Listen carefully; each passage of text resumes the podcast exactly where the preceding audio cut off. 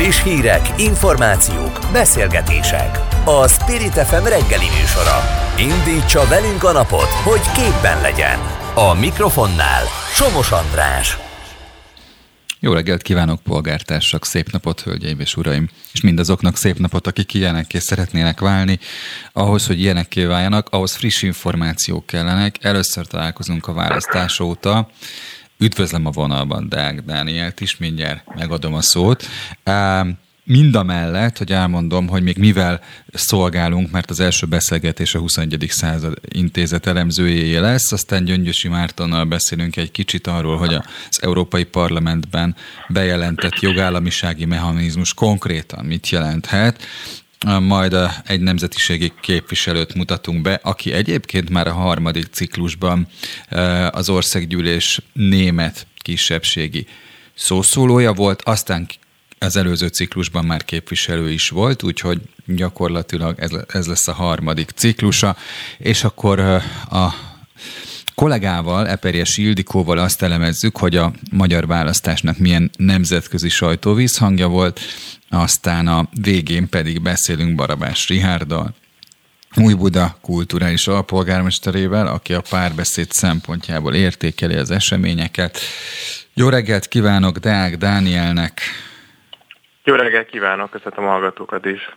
Én mondjuk ugyanolyan elánnal készültem erre a beszélgetésre, mint hogyha egy keresztény-demokrata néppárti politikussal beszélgetnék, mert ő Nacsal Lőrinc lett volna, de egyelőre egyelőre a győztesek közül nem tudunk megszólaltatni senkit, ezt sajnáljuk, mi a jövőben is szeretettel várjuk a Fidesz KDNP politikusait az adásba. Örülök, hogy itt van Dániel. Láttam azokat a fotókat, amelyek a választás éjszakáján készültek önnel, Rákai Filippel. Milyen volt a hangulat?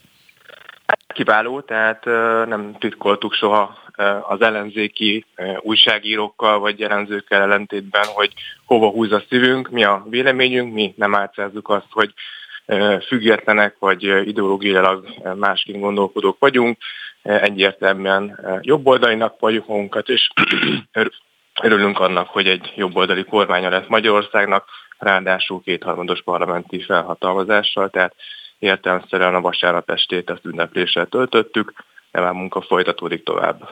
Nagyon érdekes volt az utolsó hét eseménye, és mielőtt el megkérdezem, hogy a milyen tényezők vezethettek volna ön szerint, hogy vezettek el az ekkora győzelemig, azért azt hadd kérdezzem meg, hogy az utolsó héten volt egy olyan nap, nagyjából három-négy nappal a választás előtt, amikor a híradó megpróbálta elérni a jobboldalhoz köthető, a mag- magukat nyíltan felvállaló jobboldali elemzőket, és egyszerre egy nap eltűntek.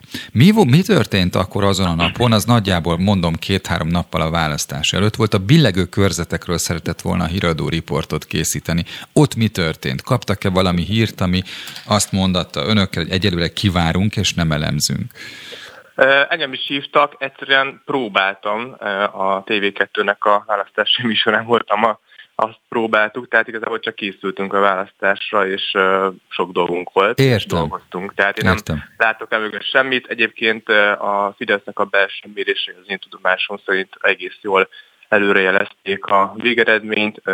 Láttam azokat a híreket, hogy itt a Fideszben nem tudom, kétségbeesés van. Én megkeresztem fideszes politikusokat, és egy jó nagyot röhögtek, tehát semmilyen kétségbeesés nem volt. Mindenki győzelemre készült. Az volt a kérdés, hogy milyen arányú lesz ez a győzelem.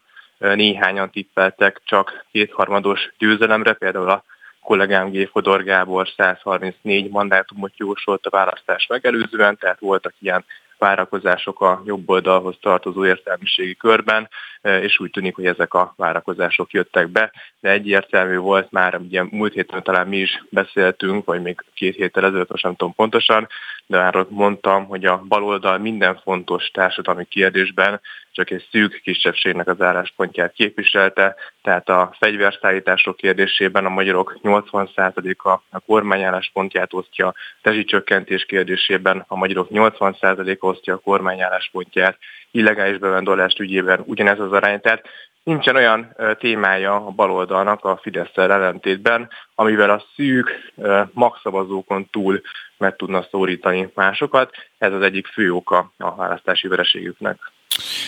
Azt hadd kérdezem meg, hogy tulajdonképpen a, a választás okai között a kommunikációs erőfölény, a háborús nyílt nyugalomra intés, vagy az osztogatás e a meghatározó tényező, hogy hogy látja, hogy ezek együtt összességében, vagy külön-külön melyik? Ne haragudjon András, de ez a megfogalmazása megint abba a hibába viszi, ami a 2026-os kétharmados Fidesz győzelemhez vezeti ismét az országot.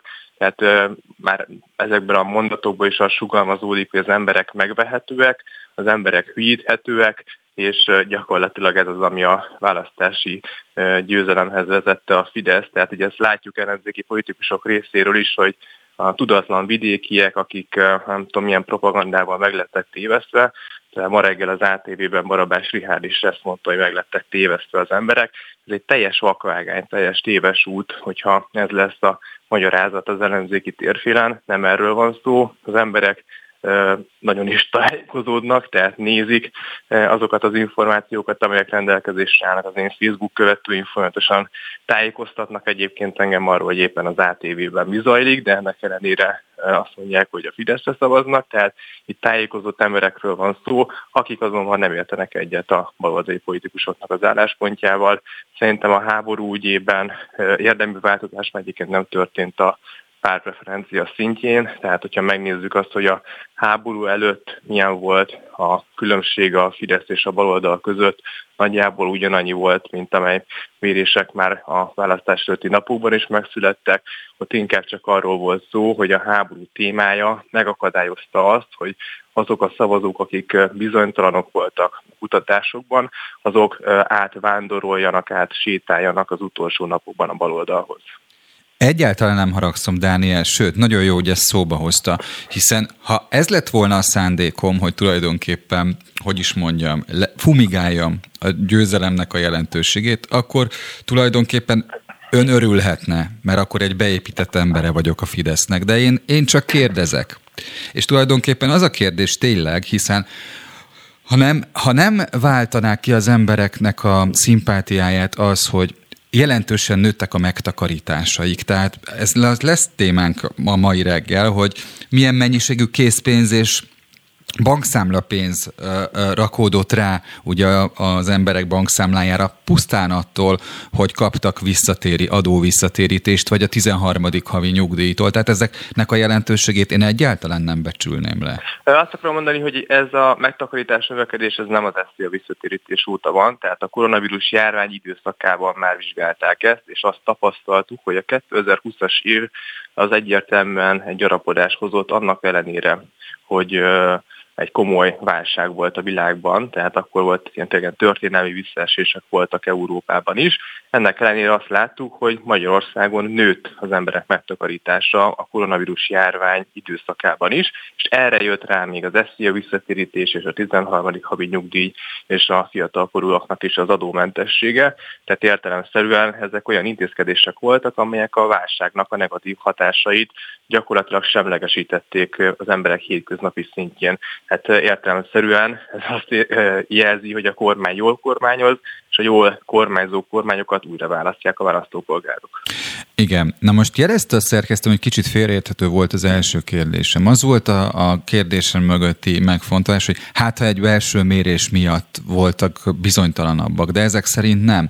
Azért nem, ez, ez, egy, ez egy álhír volt, ez róla meg is jelent, meg igen. Uh, tudom, nagyon jó, még választás napján is beszéltem ellenzéki politikusokkal, és akkor mondták, hogy ez a hír járja, hogy hogy itt hatalmas nagy Fidesz összeomlás van, és akkor ellenzék előre tört, ez semmi nem jelezte, ez, ez csak egy, egy vágyvezérelt áron volt, biztos beszéltek Ulai Andrással, aki ugye még a választás előtti napon is azt mondta, hogy 47-47 százalék az állás, és az bizonygatta a kamu kutatásaival, hogy itt a Fidesznek a szavazótábora most elbizonytalanodott, vagy összeomlott, Hát kérem, többet Pulai András sehova ne hívják meg, mert kizártnak tartom, hogy bármilyen adatfelvétel történt az ő kutatásai során, mert hogyha legalább száz embert megkérdezett volna ebben az országban, akkor látta volna, hogy nem az a helyzet, amit harsogott még szombaton is a különféle televízió műsorokban. Dániel, én nekem nem tisztem, hogy, hogy szószólója legyek Pulai Andrásnak, de némileg menti őt is, meg a kollégáit is.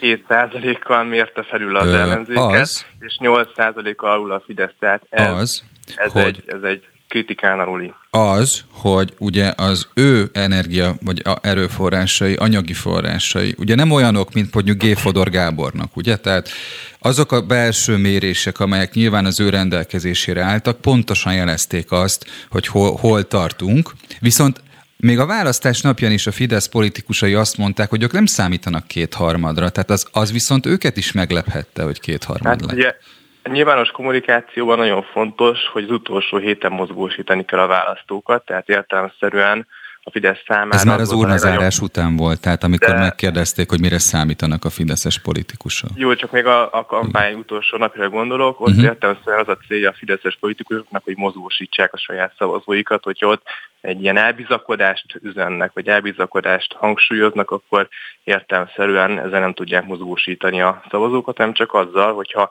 emelik a tétet, és azt mondják, hogy nem dölt el semmi, fontos részt venni a választáson, értelemszerűen csak a leadott voksok számítanak.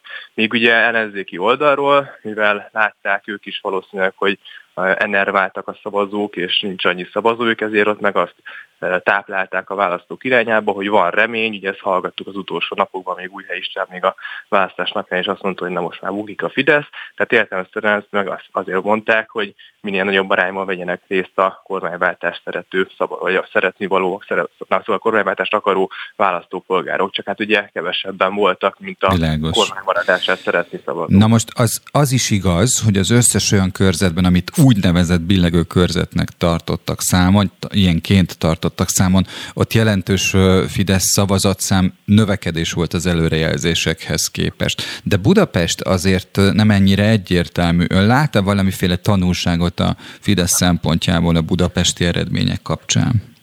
Ezt látom, hogy Budapesten erősödni tudott a Fidesz, nagyon közel került most már az ellenzéki oldalhoz, hogyha 2024-ig sikerül felépíteni egy karakteres, erős Budapest politikát folytató fideszes politikus, akkor szerintem a 2024-es önkormányzati választáson van esély arra, És azt hogy lehet, a úgy, hogy a, lehet úgy, hogy a fővárosi önkormányzata hatban áll? Tehát, hogy...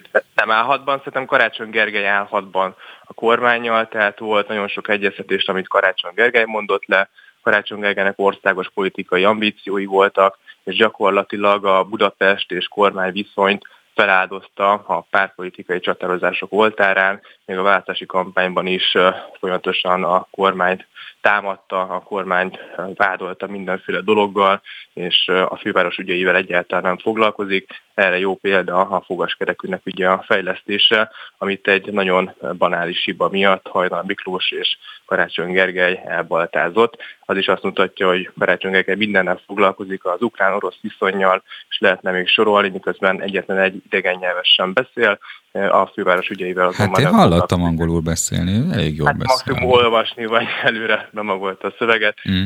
amikor egy sugógép nélküli olvasásról van szó, akkor mindig tolmács az, aki, akinek a segítséget igénybe veszi.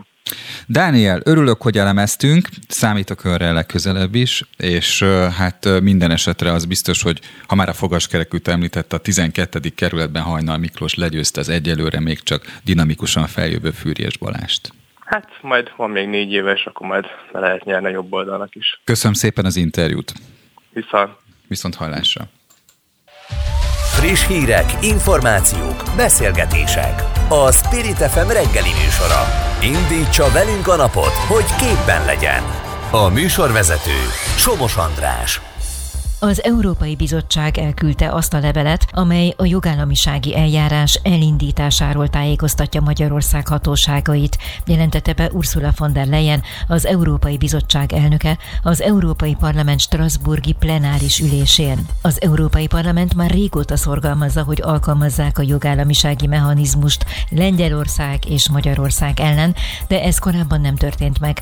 Gyöngyösi Mártonnal, a Jobbik Európa parlamenti képviselőjével beszélgettünk az ügyről, valamint arról, hogy a lengyelekkel szemben vajon azért nem tesznek-e hasonló lépéseket, mert az oroszokkal szemben keményebben lépnek fel. Természetesen Gyöngyösi Márton európai parlamenti képviselő. Jó reggelt kívánok! Jó reggelt kívánok, üdvözlöm a hallgatókat is! Nagyon érdekes volt tegnap az a hír, hogy Ursula von der Leyen a, az Európai Parlamentben jelentette be a jogállamisági mechanizmus elindítását. Ez hogy történt, és mi ennek a jelentősége ön szerint?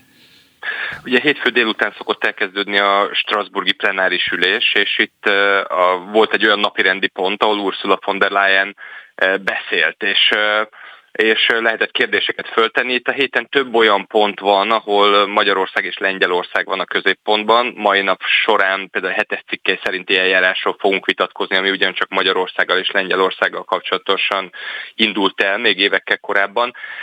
Erről beszélt, és hát nyilván ilyenkor ugye képviselők kérdéseket fogalmazhatnak meg, véleményeket fogalmazhatnak meg, és a bizottság már nagyon-nagyon régóta nyomás alatt van a parlamenttől, hogy a jogállamisági mechanizmust végre elindítsa Magyarországgal szemben.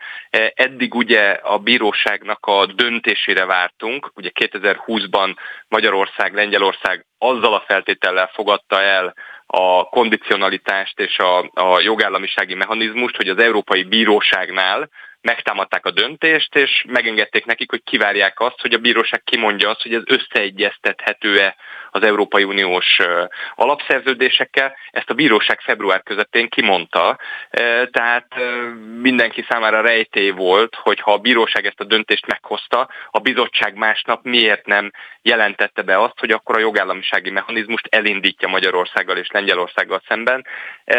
Eddig kellett várni. Én azt feltételezem, hogy a bizottság egy választási kampány közepén nem akarta elindítani a jogállamisági mechanizmust, hogy Orbán Viktor nem mondhassa azt, hogy ezáltal az Európai Bizottság beavatkozik a magyar választásokba, de hát így is úgy is ezt mondja, tehát szerintem ezzel Ursula von der Leyen nem nyert semmit. Ezt el kellett volna indítani azonnal, amint az Európai Bíróság meghozta a döntését. Mit gondol arról, hogy, hogy ez erőteljesebb lesz az érdekérvényesítésben ez az úgynevezett jogállamisági mechanizmus, mint a szavazat megvonással egyébként nem járó hetes cikke eljárás, hiszen ugye ahhoz a tanácsban teljes konszenzus kellene. Igen. Ugye, és ugye a jogállamisági mechanizmusnál pedig minősített többség elég, ami azt jelenti, hogy Lengyelország például nem tudja megakadályozni ezt, hogy Pontosan. ezt Magyarországgal szemben érvényesítsék. Pontosan, tehát a jogállamisági mechanizmus ugye az azért egy sokkal erősebb eszköz, mert mert egyrészt nagyon le van szűkítve a, a tehát ott az nagyon világosan fogalmaz a jogállamisági mechanizmus tekintetében a, a, a szabály, ugye kimondja azt, hogy minden olyan esetben el lehet indítani, ahol az Európai Uniónak a pénzügyi érdekei sérülnek. Tehát ez alapvetően korrupciót jelent. Az Európai Bizottság már a negyedik éve minden országról jelentéseket állít össze, amelyek a fékek és ellensúlyok helyzetéről, az igazságszolgáltatásnak az állapotáról, a média pluralizmusról és a korrupció tekintetében vizsgálja a különböző tagállamokat. Ebbe ugye nagyon konkrét megállapításokat tesz. Ezek ugye azok a jelentések, aminek kapcsán Vera Jurova biztosasszony és és Varga Judit között ilyen, szem, ilyen nagyon látványos csörték szoktak kibontakozni. Igen, igen.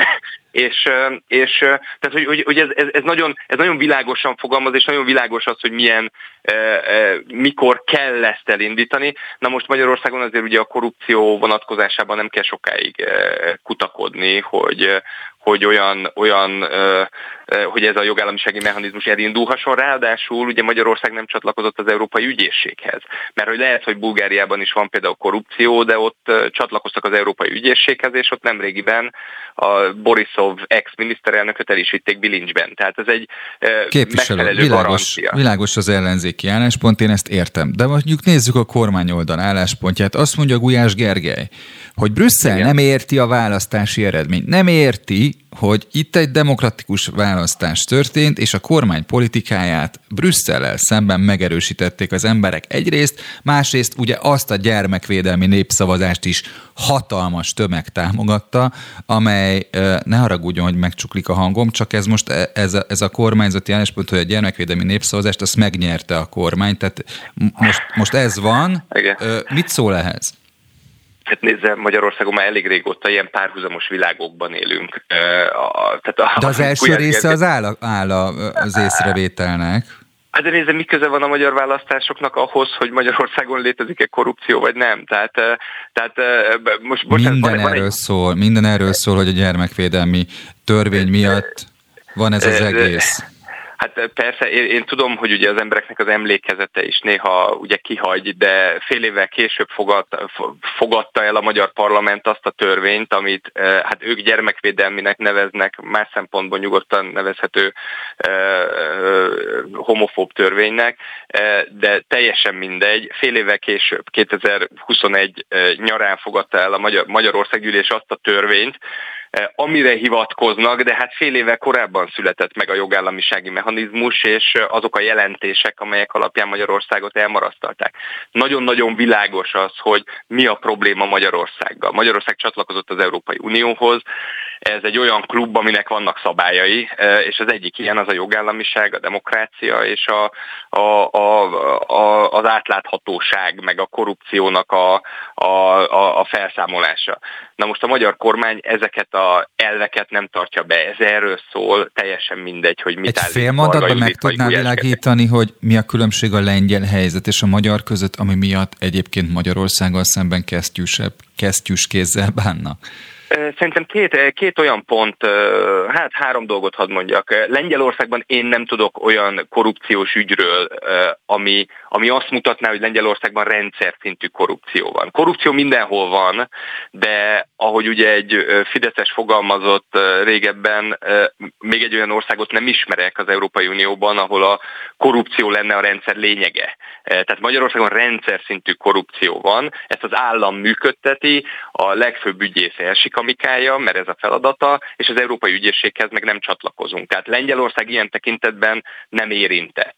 Lengyelországgal kapcsolatban olyan aggályok voltak, hogy az igazságügyi rendszere az, az, az nem igazságos, vagy ott, ott vannak problémák, nem független, nem szabad az igazságszolgáltatás.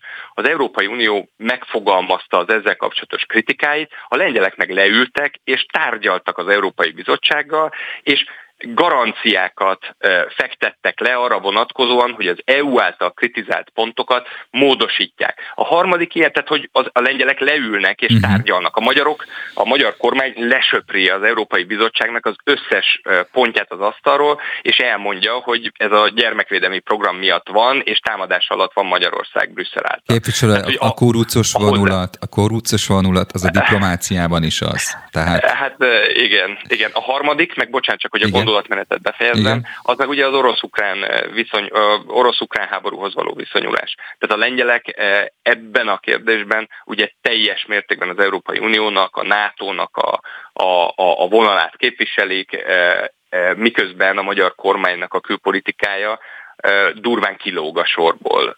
Ez is egy olyan kérdés, ami most ugye nagyon sok mindent átírt, tehát ugye ez a háború, ez most a top prioritás ugye az Európai Uniós intézményekben, és az, hogy ebben Magyarország nem áll a sorban, és nem abba az irányba megy, mint a többi szövetségesünk, ez megint egy olyan pont, ami, ami Brüsszelben igencsak kiveri a biztosítékot, Világos. és ez teljesen jogosan. Záró kérdésem következik. Képviselő, ön a külföldi témákat is belpolitikai szemszögből szokta megvilágítani.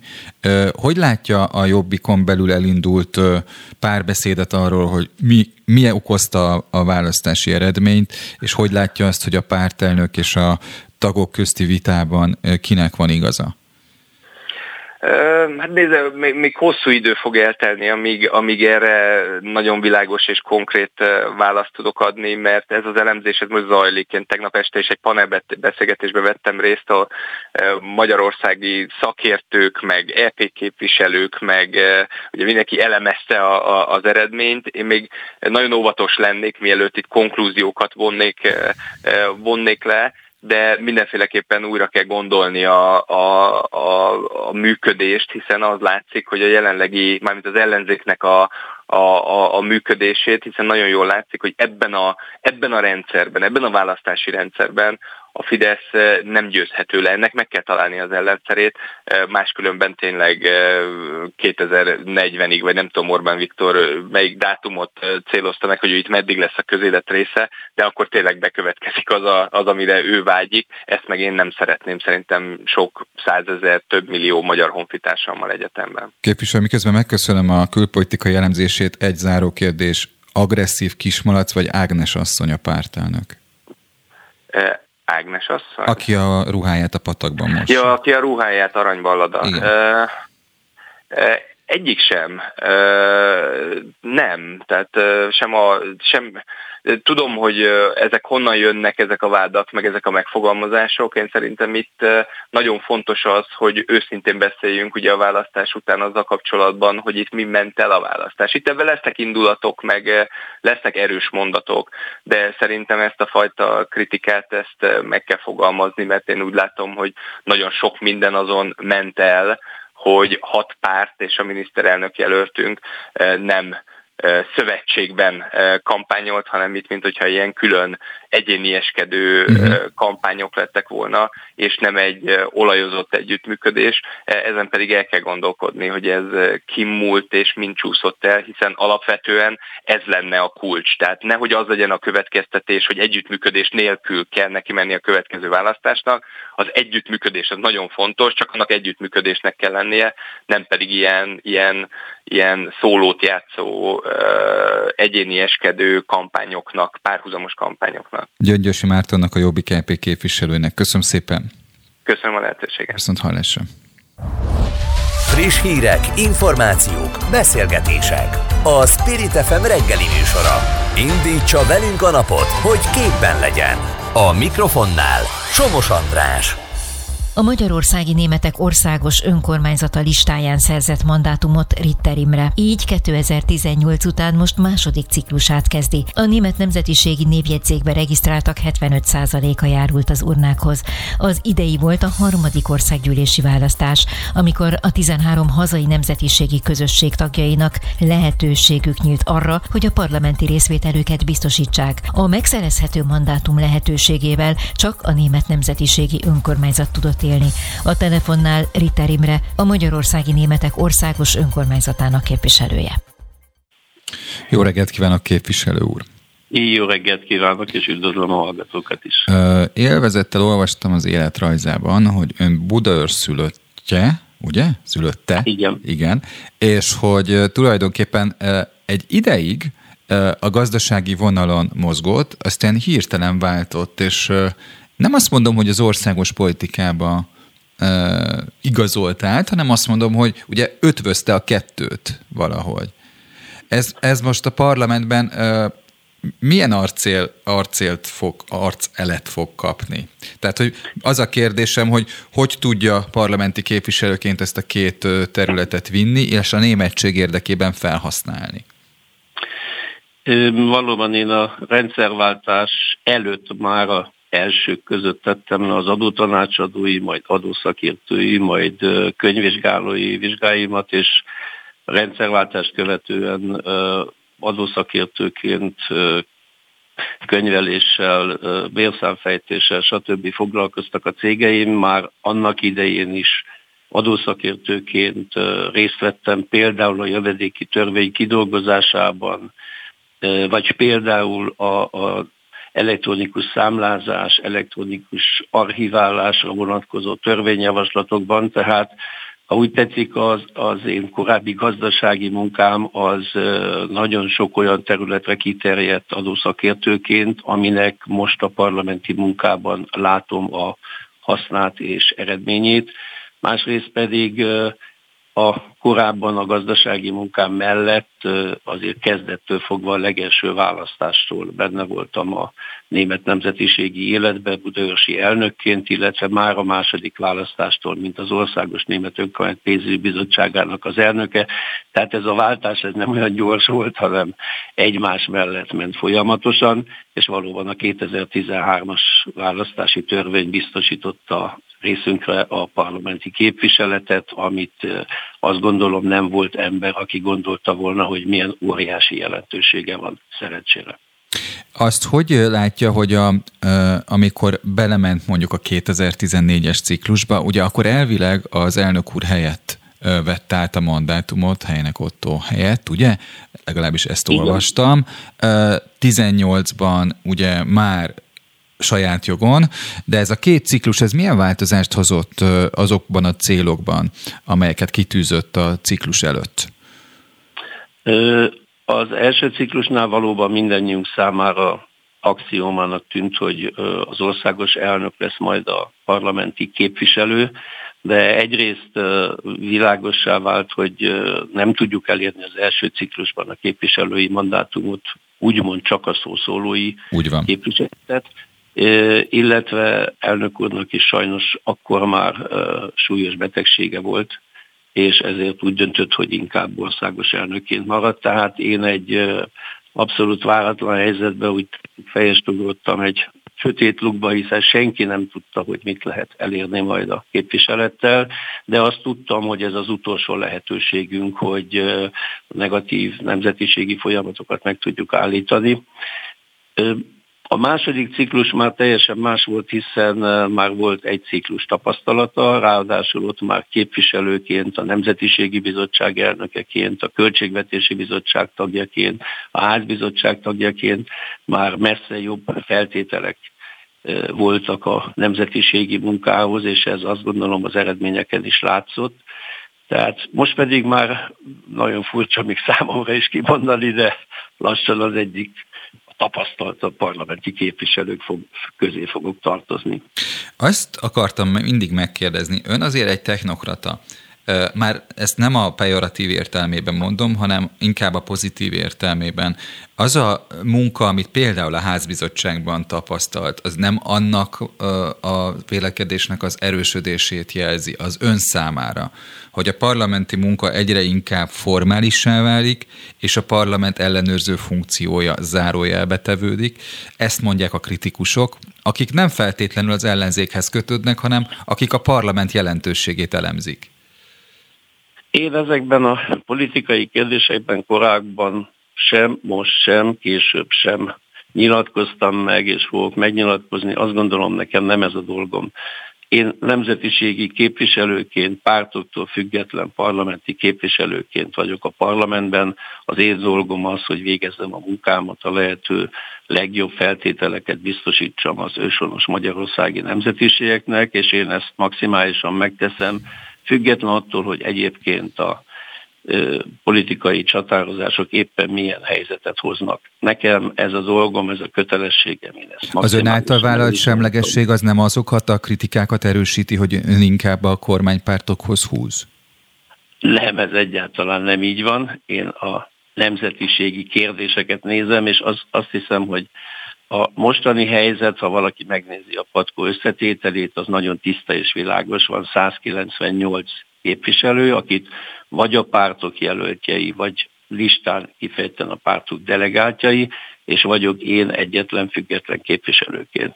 És ez a dolog lényege. Sajnos ebben az abszolút átpolitizált magyarországi helyzetben, de hát nem magyarországi, hanem nemzetközileg is így van, az emberek döntő többsége nem tudja elképzelni, hogy a politikai nézőponton és szemüvegen kívül lehet más is.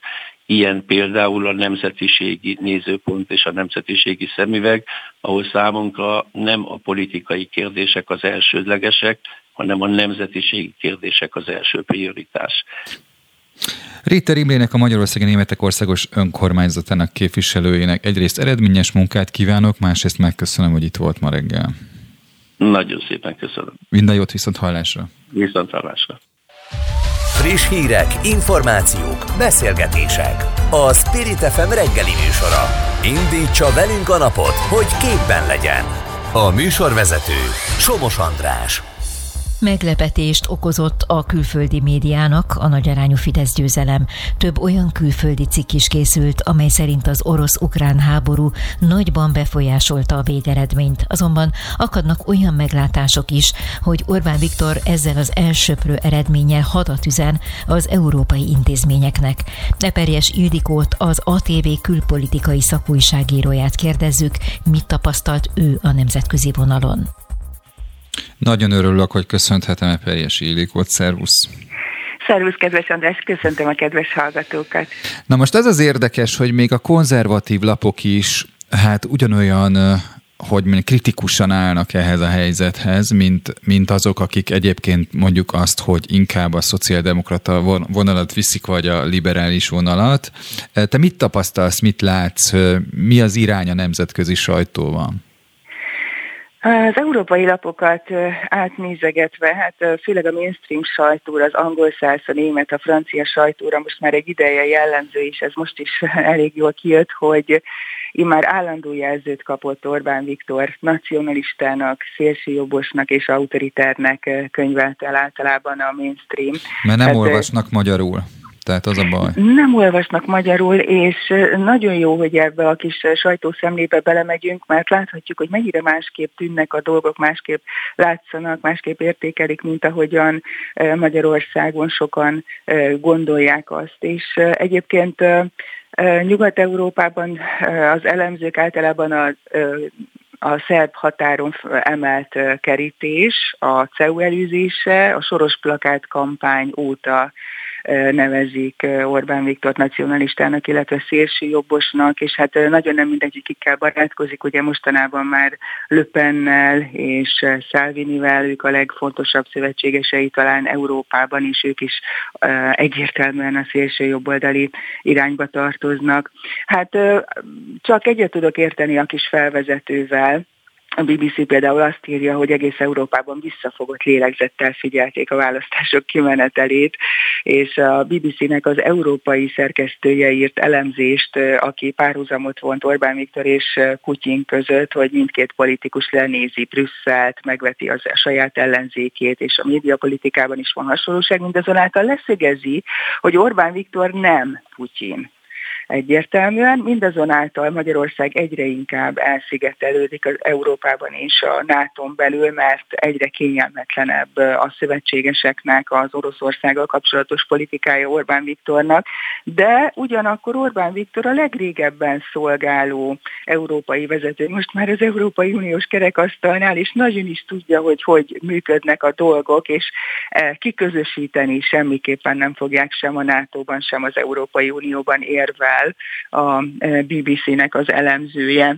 Egyébként e, e, nem csak rögtön a választások után is rengeteg cikk jelent meg, de még tegnap este is az Üdácsa Zeitungnak az elemzője, tegnap jelentetett meg egy írást József Kernberger, és rendkívül keményen fogalmaz, ő elszalasztott lehetőségnek nevezi a magyarországi választásokat, és szerint az EU nagyon is tehetett volna valamit azért, hogy megakadályozza a demokrácia leépülését Magyarországon, és nagyon sommásan úgy ítéli meg, hogy a 27 tagországból most már csak lényegében 26 demokratikus tagállama van az Európai Uniónak, illetve hát 25 és fél, hogyha a lengyeleket is tekinti. Tehát magát az EU-t, és főleg Merkelnek a politikáját, a tavaly leköszönt német kancellárnak, ex-kancellárnak a politikáját is hibáztatja, mert szerinte túl engedékeny volt Angela Merkel. Pont ez a kulcs. Is, ezt te is, te is, így van. Ezt te is megerősített, hogy pont ez a kulcs, hiszen amíg benne volt az Európai Néppártban a Fidesz, sokkal nehezebb volt ugye vele szemben fellépni európai szinten, hiszen akit Angela Merkel támogat, az olyan szempontból hát védett, hogy ugye a német befolyás az jelentős. Ilyen szempontból érdekes az, hogy ugye Orbán Viktornak a 16 évét azt nagyjából már Angela Merkelhez lehet mérni, ugye? Pontosan, pontosan most már ő a leghosszabb ideje regnáló politikus Európában valóban Angela Merkelhez mérik ezt a mármint a regnálásának a hosszúságát, és csak hogy befejezzem, hogy Igen. az Üdvözlő Zeitung aztán odafut ki, hogy hogy nagyon kemény, azt javasolja, hogy keményen, sőt cinikusan kell fellépni Orbán Viktorral szemben, mert hogy ugye a magyar kormány nagyban függ a brüsszeli milliárdoktól, és hogy ezzel úgymond, hát én úgy veszem ki, hogy lényegében akkor zsarolni, kvázi zsarolni lehetne Orbán Viktort. Érdekes a Euronews-nak az elemzése. Ugye ők is azt mondják, hogy az ukrajnai háború úgymond segítette, az, segítette Orbán Viktort és a Fideszt, amit én kapásból cáfolnék, mert én úgy gondolom, hogy nem a háború maga segítette, hanem a javára fordította ezt a háborút, ami óriási teljesítmény és mutatvány tekintve azt, hogy szinte percekkel a háború kitörése után tett látogatást Orbán Viktor Putyinnál, ugye az agresszorországnak a vezetőjénél. Már a háború kitörése előtt, igen, percekkel. Így van, igen. percekkel a háború megindítása előtt. Igen és ők, a Euronews azt prognosztizálja, hogy, hogy nem látni, tehát egyelőre nem látni a végét Magyarország és Brüsszel vitájának, és ugyanakkor Orbán Viktor nagyon erős mandátumot kapott arra, hogy a jelenlegi politikát folytassa Brüsszellel szemben értékeli a Euronews. Szerintük nagyon erős a város és vidék közötti megosztottság minden eddiginél talán erősebb, a jobbik támogatottsága lényegében elolvadt, azt ők nem tudják megmondani, hogy ezt még vitatják, hogy, hogy azért, hogy a jobbik elkezdett be elkezdett közelíteni a jobb középre, a középre, vagy pedig azért, hogy egyszerűen beállt ebbe a hatalmas táborba. Szerintem érdekes és tanulságos, hogy az orosz sajtó is foglalkozik, hogy az Izvesztiának a cikkét olvastam el, és ők egy elemzőt szólaltattak meg. Egyébként az Izveszti a viktoriánus korról beszél, és ők is váratlannak, és nagyon meggyőzőnek, rendkívül meggyőzőnek nevezték Orbán Viktor győzelmének a nagyságát. Szerintük Oroszországgal kapcsolatban marad a mostani politika, viszont az Európai Unió és a NATO nagyobb nyomás alá fogja helyezni, jobban meg fogja szorongatni Orbán Viktort. Egyébként ők belemennek abba a fejtegetésbe, hogyha az ellenzék nyert volna, akkor az Oroszország, Magyarország-Oroszország politikája biztos, hogy megváltozott volna, viszont Kievvel kapcsolatban nem feltétlenül javultak volna a viszonyok, a kapcsolat, nem feltétlenül Világos. javult volna a viszony, illetve a kapcsolat. Világos. Világos. Eper, nagyon köszönöm az elemzést, meg azt, hogy ilyen sokoldalú merítésből dolgoztál, és számítok rád a jövőben is. Köszönöm szépen, Én viszont hallásra. Viszont hallásra, szia! Friss hírek, információk, beszélgetések. A Spirit FM reggeli műsora. Indítsa velünk a napot, hogy képben legyen. A mikrofonnál Somos András. Az ellenzéki pártok közül arányaiban a párbeszéd képviselői nyertek a legtöbb körzetben, hiszen bejutott Szabó Tímea, Jánbor András, Tordai Bence és Mellár Tamás. A párt az elkövetkezendő napokban értékeli és elemzi a választás eredményét. A párbeszéd frakciója azt ígéri, erősebb lesz, mint a legutóbbi ciklusban, és mindent megtesz azért, hogy ellensúlyozza a hatalom túlfölényét. Markánsan képviselik tovább zöld baloldali politikájuk alapvetéseit, valamint bíznak abban, hogy hogy az előttünk álló népszavazás sikeres lesz. A párbeszéd szóvívőjével Barabás Rihárdal beszélgetünk a következő percekben. Jó reggelt kívánok Barabás Rihárnak! Jó reggelt kívánok, és köszöntöm a kedves hallgatókat is. Nyilván kettős érzésekkel elemzi azt, hogy mi is történt, mert lehet, hogy a jó érdekérvényesítés miatt van az, hogy a párbeszédnek több képviselője lesz, mint az előző ciklusban, de hát nyilván a környezettől nehéz függetlenítenie magát, gondolom, amikor a választást elemzi. Nagyon egyetértek önnel. Hadd mondjam azzal, hogy természetesen nagyon hálásak vagyunk azoknak, akik támogattak minket, az egész ellenzéket, párbeszédet is, és nagyon jó érzés az, hogyha az ember pártja erősödik. Persze. De másfelől, és talán ez, ez valamennyiünkben ott motoszkál ez az érzés, és bennem is ott motoszkál vasárnap óta, hogy lehet egyáltalán rendszert váltani. Hogy nem megy rá az ember élete, az én életem arra, hogy ezzel a rendszer ellen küzdjünk, már pedig élete mindenkinek csak egy van. Tehát ezek az érzések szerintem ebben a szakaszban teljesen jogosak. Én a következőt gondolom.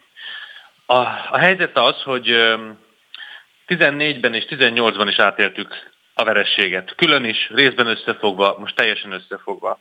Tudjuk azt, hogy ilyenkor a Fidesz részéről különösen el szokott indulni egy ilyen bántalmazó nyomás, ha szabad így fogalmaznom, amelyik arról szól, hogy csak mi vagyunk a hibásak, mi is sokszor elkezdünk ezen vekengeni, és egy ilyen furcsa, furcsa passzivitásba keveredik az egész ellenzék. Félreértés ne essék. Szerintem nagyon sok hibát követtünk el, ezeknek le kell vonni a tanulságait. Ki kell őket javítani. De nem szabad, hogy ugyanazokból a hibákba essünk bele, mint amiben 2014-ben és 2018-ban is beleesünk. Nagyon fontosnak tartom, és tartjuk azt, hogy a közös ellenzéki fellépés, a közös ellenzéki struktúrák megmaradjanak, hogy ezeket fejlesszük, hiszen nem egy egyenlő választási rendszerben szenvedtünk vereséget. Nem az történt, hogy elmondhattuk a véleményünket a közmédiában ugyanolyan arányban, mint a Fidesz. Nem az történt, hogy ugyanannyi, ugyanannyi pénzből lehetett hirdetni a Youtube-on és a Facebookon, mint a Fidesz propagandistáinak, és így azért nem lehet azt sem mondani, hogy ez a vereség kizárólag. Na, ezt nagyon jó, hogy mondja. Tudja miért?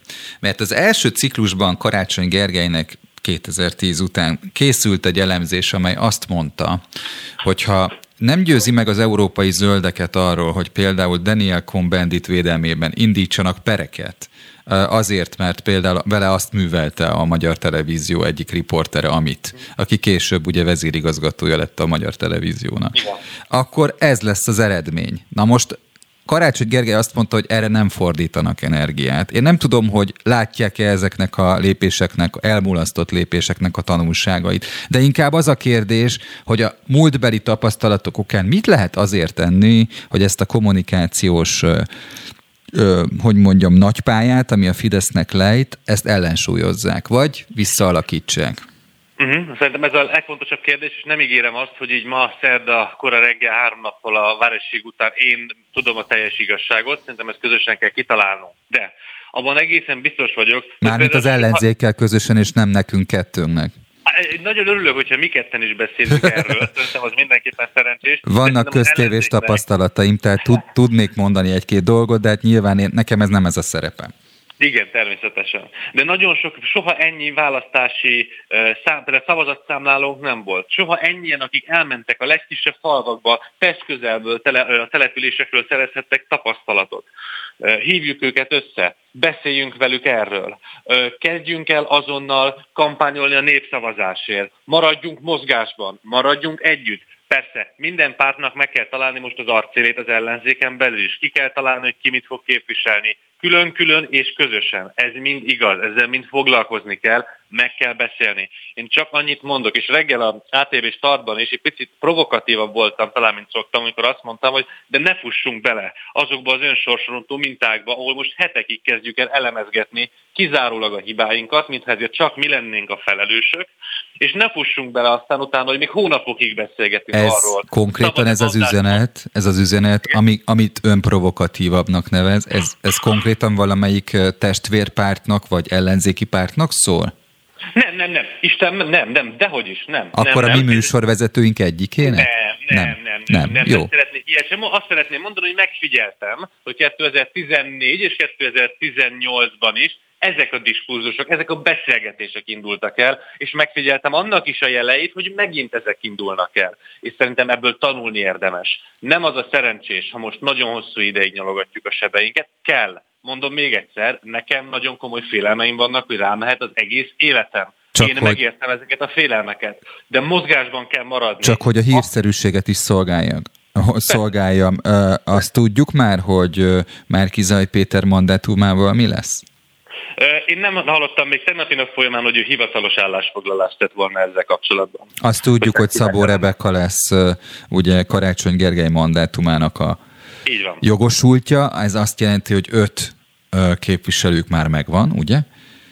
Igen. És hát ugye azon múlik, hogy ki lesz a hatodik, hogy hogy beül-e már Kizaj Péter a pont. Nem teljesen, hiszen Berki Sándor is rajta volt. Berki Sándor, úgy van, tényleg. Hatodik, Igen. És természetesen hétfős frakciónk lesz, hiszen Márkizai Péter mandátuma is a párbeszéd elnökségénél van, tehát hogy a mi frakciónkban ül be, hogyha felveszi a mandátumát. Csak hogy tudjuk, hogy, dönt, bocsánat, akkor... csak hogy tudjuk, hogy Berki Sándor, ugye ő, ő az a képviselő, akit Márkizaj Péter ö, ö, terve alapján a párbeszéd frakció befogad, ugye ő egy roma politikus. Roma politikus a párbeszédnek egyébként egy nagyon elkötelezett tagja, nagyon aktív szereplője, akinek nagyon, nagyon erős közösségi vonalai vannak, nagyon erősen támogatja a közösséget és képviseli a roma ügyet. Egy fantasztikus ember és nagyon jó politikus. Értem. Barabás Rihádnak nagyon megköszönöm az elemzést, és miután nagyon sokan ö, csatlakoztak az ellenzék oldaláról szavazatszámlának, az a kérdés, hogy ebből a következtetés adódik-e a párbeszédnek, hogy na hát akkor miért nem sikerült egy kicsit jobban ez a választás? én azt gondolom, hogy nagyon sok oka van, és még egyszer mondom, mi is e- hibáztunk természetesen, ez nem is kérdés, én csak azt állítom, hogy azt kell, el kell fogadnunk ezt a borzalmas állapotot. Én megértettem, én... Igen. akkor folytatnunk kell. És innen azt kell mondanunk, hogy nagyon rossz a helyzet, de innen fogunk építkezni. Jó, én csak költői kérdést tettem a végére, és ja, köszönöm, bocsánat, és kivárom, és kivárom az elemzést, kivárom az elemzést, nem most beszéltünk utoljára. Köszönöm szépen. Köszönöm szépen, és szép napot mindenkinek. Minden jót. Friss hírek, információk, beszélgetések. A Spirit FM reggeli műsora. Indítsa velünk a napot, hogy képben legyen. A mikrofonnál Somos András. Jó reggelt kívánok Koi Lászlónak. Én úgy tudtam, hogy elindítunk egy bejátszót, de ezek szerint ez nem történt meg. Most mehet? Megy. Egy pillanat, elnök úr, és mindjárt akkor kezdjük. Igen, itt vagyok élőadásban. Friss hírek, információk, beszélgetések. A Spirit FM reggeli műsora. Indítsa velünk a napot, hogy képben legyen. A műsorvezető Somos András. Újra kell szigetelni az épületállományt szerte Európában, írja a világgazdaság. Mint fogalmaznak, prioritássá vált a fűtési és hűtési energia szükséglet csökkentése. Az EU soha nem látott összegű pénzkénytelen a korszerűsítések támogatására költeni. Ezzel a hőszigetelő rendszerek iránt példátlan volumenű keresetet gerjeszt. A részletekről Koi Lászlóval, az EVOS elnökével beszélgetünk amely kereslet nyilván teljesen jó az évos szempontjából, vagy az ágazat szempontjából. Jó reggelt kívánok, elnök úr! Jó reggelt kívánok! Hát eh, nekünk csak az a jó, ami a megrendelőnknek jó, mert hogyha a megrendelő ezzel nem kíván foglalkozni, akkor nincs munkánk. Az igaz, de a keresletbővülés ez nyilván jó az ágazat szereplőinek, nem? Igen, igen, ez egyértelmű, és eh, vannak mindenféle felmérések, hogy a, a, a világban az energiafelhasználás 36%-áért az építőipar felelős, tehát amit építünk és ahogyan építünk, vagy amit felújítunk, vagy ahogyan használjuk. Világos. Ugye, ugye azt lehet olvasni, hogy a fűtés megdrágulását úgy lehetne szemléltetni, hogy a, hagyományos energiát használó európai háztartások gázszámlája például négyszeresére nőtt, ugye? És még nincs is vége ennek. Ami hát a, az energetikai korszerűsítést egyértelműen kiváltja, vagy, vagy, vagy szükségessé teszi, minél hamarabb. Ez így van, ugyanakkor látni kell azt, hogy ö, talán nincs is olyan technológia, amely gyorsan egy negyedére csökkenteni a gáz vagy elektromos áram felhasználást. Tehát ugye itt egy drasztikus áremelkedés van, és ezt az áremelkedést technológiával, spórolással, hőszigeteléssel követni ilyen gyorsan nyilvánvalóan nem lehet. Mit jelent az, hogy az energiafogyasztást csökkentő beruházások hatékonysága folyamatosan javítja tehát hogy ezt javítja ezeket a technológiákat. Tehát, hogy hogy kell ezt elképzelni, mi az, ami, ami eredményezi azt, hogy egy, hogy egy háztartásnak a, a szükséglete az csökkenjen? A meglévő lakóépületeknél, de az új építéseknél is van 7-8 olyan szempont, aminek a kombinációjával lényegesen lehet csökkenteni az energiafelhasználást. Nyilvánvalóan sokkal nagyobb a mozgásterünk egy új építésnél, amikor már az elején ezekkel foglalkozhatunk, és némiképpen a felújításoknál pedig vannak adottságok. De az, hogy egy épületnek milyen a tájolása, a házunknak milyen a tagoltsága, tehát mekkora falfelületek vannak, ezeket egy új új építésnél szabadon eldönthetjük, és ugye sokat jelent. A meglévő épületnél pedig, hogy milyen utólagos hőszigetelést, milyen nyílászárókat, milyen kazánrendszert, mennyiben megújuló energiát kívánunk használni, vagy éppenséggel a hűtést és fűtést egyszerre egy rendszeren belül, ha felújítunk, meg tudjuk-e oldani, van-e ilyen igényünk, mert manapság már mondjuk egy hűtési igény lényegesen több energiát is felhasználhat, ha idejekorán nem figyelünk oda, mint maga a fűtés. Két olyan tényezőt mondok, ami talán uh, kiválthatja azokat a válaszokat, amelyek uh, hát a kitűzött célt elér, elérhetik. Ilyen mondjuk az a törekvés, amely uniós szinten megfigyelhető, nem tudom, hogy Magyarország szintjén igen, de egyelőre ebben bizonytalanok a szakértők is szerintem, hogy ugye független egyenek Oroszországtól a nyersanyag tekintetében, ugye ez az egyik.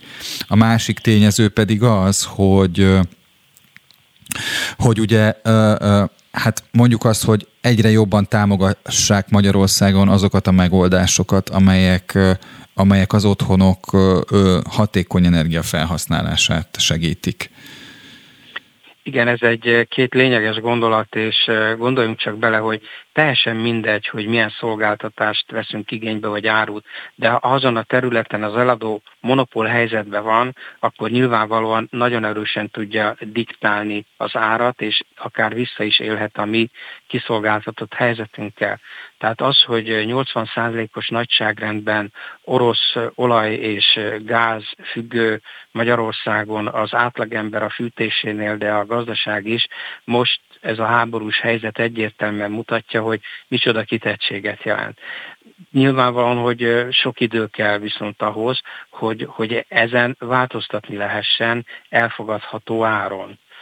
Tehát én azt gondolom, hogy gyorsan, jó megoldásban nem igen reménykedhetünk, ami utána tartós lesz, az a kérdés, hogy ilyenkor az egy-egy kormányzat mennyire tudja befolyásolni, és mennyire tudja átalakítani milyen gyorsasággal a jelenlegi helyzetet. Na most ilyen szempontból érdekes az, hogy ugye azt már kormányzati tényezők is érzékeltették, hogy például azt a dotációt, ami a rezsicsökkentésben megfigyelhető, azt át kell alakítani. Mire számít, hogy a, ez az átalakítás a, például az építőiparra milyen hatással lehet? Először is én hangsúlyoznám, hogy Magyarországon eh, az energiafelhasználás eh, is valahonnan onnan kéne indítani, hogy egy lakhatási krízis van. E, ez alatt azt értem, hogy ma Magyarországon tisztelet a kivételnek, de az 50 év fölötti korosztálynak általában az energiatakarékos eh, megoldások, felújítások tekintetében az a véleménye, hogy nem éri meg, nem költ rá időbe annyit, amennyi szükséges lenne. Tehát most, hogy a szemléletet hogyan lehet változtatni, az egy nagyon nagy kérdés. Én azt látom, hogy a mi országunkban leginkább a pozitív ösztönzés működik, ami azt jelenti, hogy valamiféle támogatást vagy nagyon kedvezményes hitel lehetőséget kap a lakosság az energiatakarékos felújításokhoz vagy berendezések használatához. Egyébként ennek a programnak a, a megnyilvánulás az a Zöld Otthon program is? Tehát, hogy ez összekötődik ezzel a, a felújítási támogatással?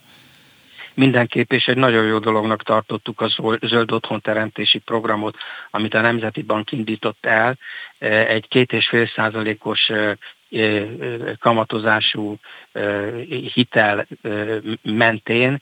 Ugye itt az a nagy kérdés, hogy a, a Nemzeti Bank ezt fent tudja tartani, milyen kondíciókkal, mi azt tapasztaljuk kivitelezők, amikor a megrendelőinkkel ilyesmikről beszélgetünk, hogy valahol 5-6 százalékos kamatnál van az a kamatszint magasság, ami egy lélektani határt jelent, hogyha sokkal többe kerül a, a bármilyen jellegű hitel, azon már nagyon elgondolkodik az átlagember, hogy igénybe vegye egy-egy ilyen jelentősebb, akár energetikai felújításhoz. Mondjuk az egy tegnapi hír, azt hiszem, hogy a Zöld Otthon programot azt továbbra is fenntartják, tehát ilyen szempontból nyilván ez egy jó hír. Mindenképp ez jó hír a megrendelőnek, és nyilván nekünk kivitelezőknek is, és elsősorban a mikro és kisvállalkozóknak az építőiparon belül, mert elsősorban az ő számukra jelent piacot, vagy fizetőképes keresletet a lakosság felújítási igénye. Már csak egy kérdésem van, ugye majd egy következő beszélgetésben szó lesz a, lakossági megtakarításokról és a hitelekről. Önök hogy látják, hogy az, hogy, hogy dacára a kamatok emelkedésének a a hitelkihelyezés éppen a lakáshiteleknél nem, nem csökkent drasztikusan, ez, ez az ágazat szempontjából milyen hatást válthat ki?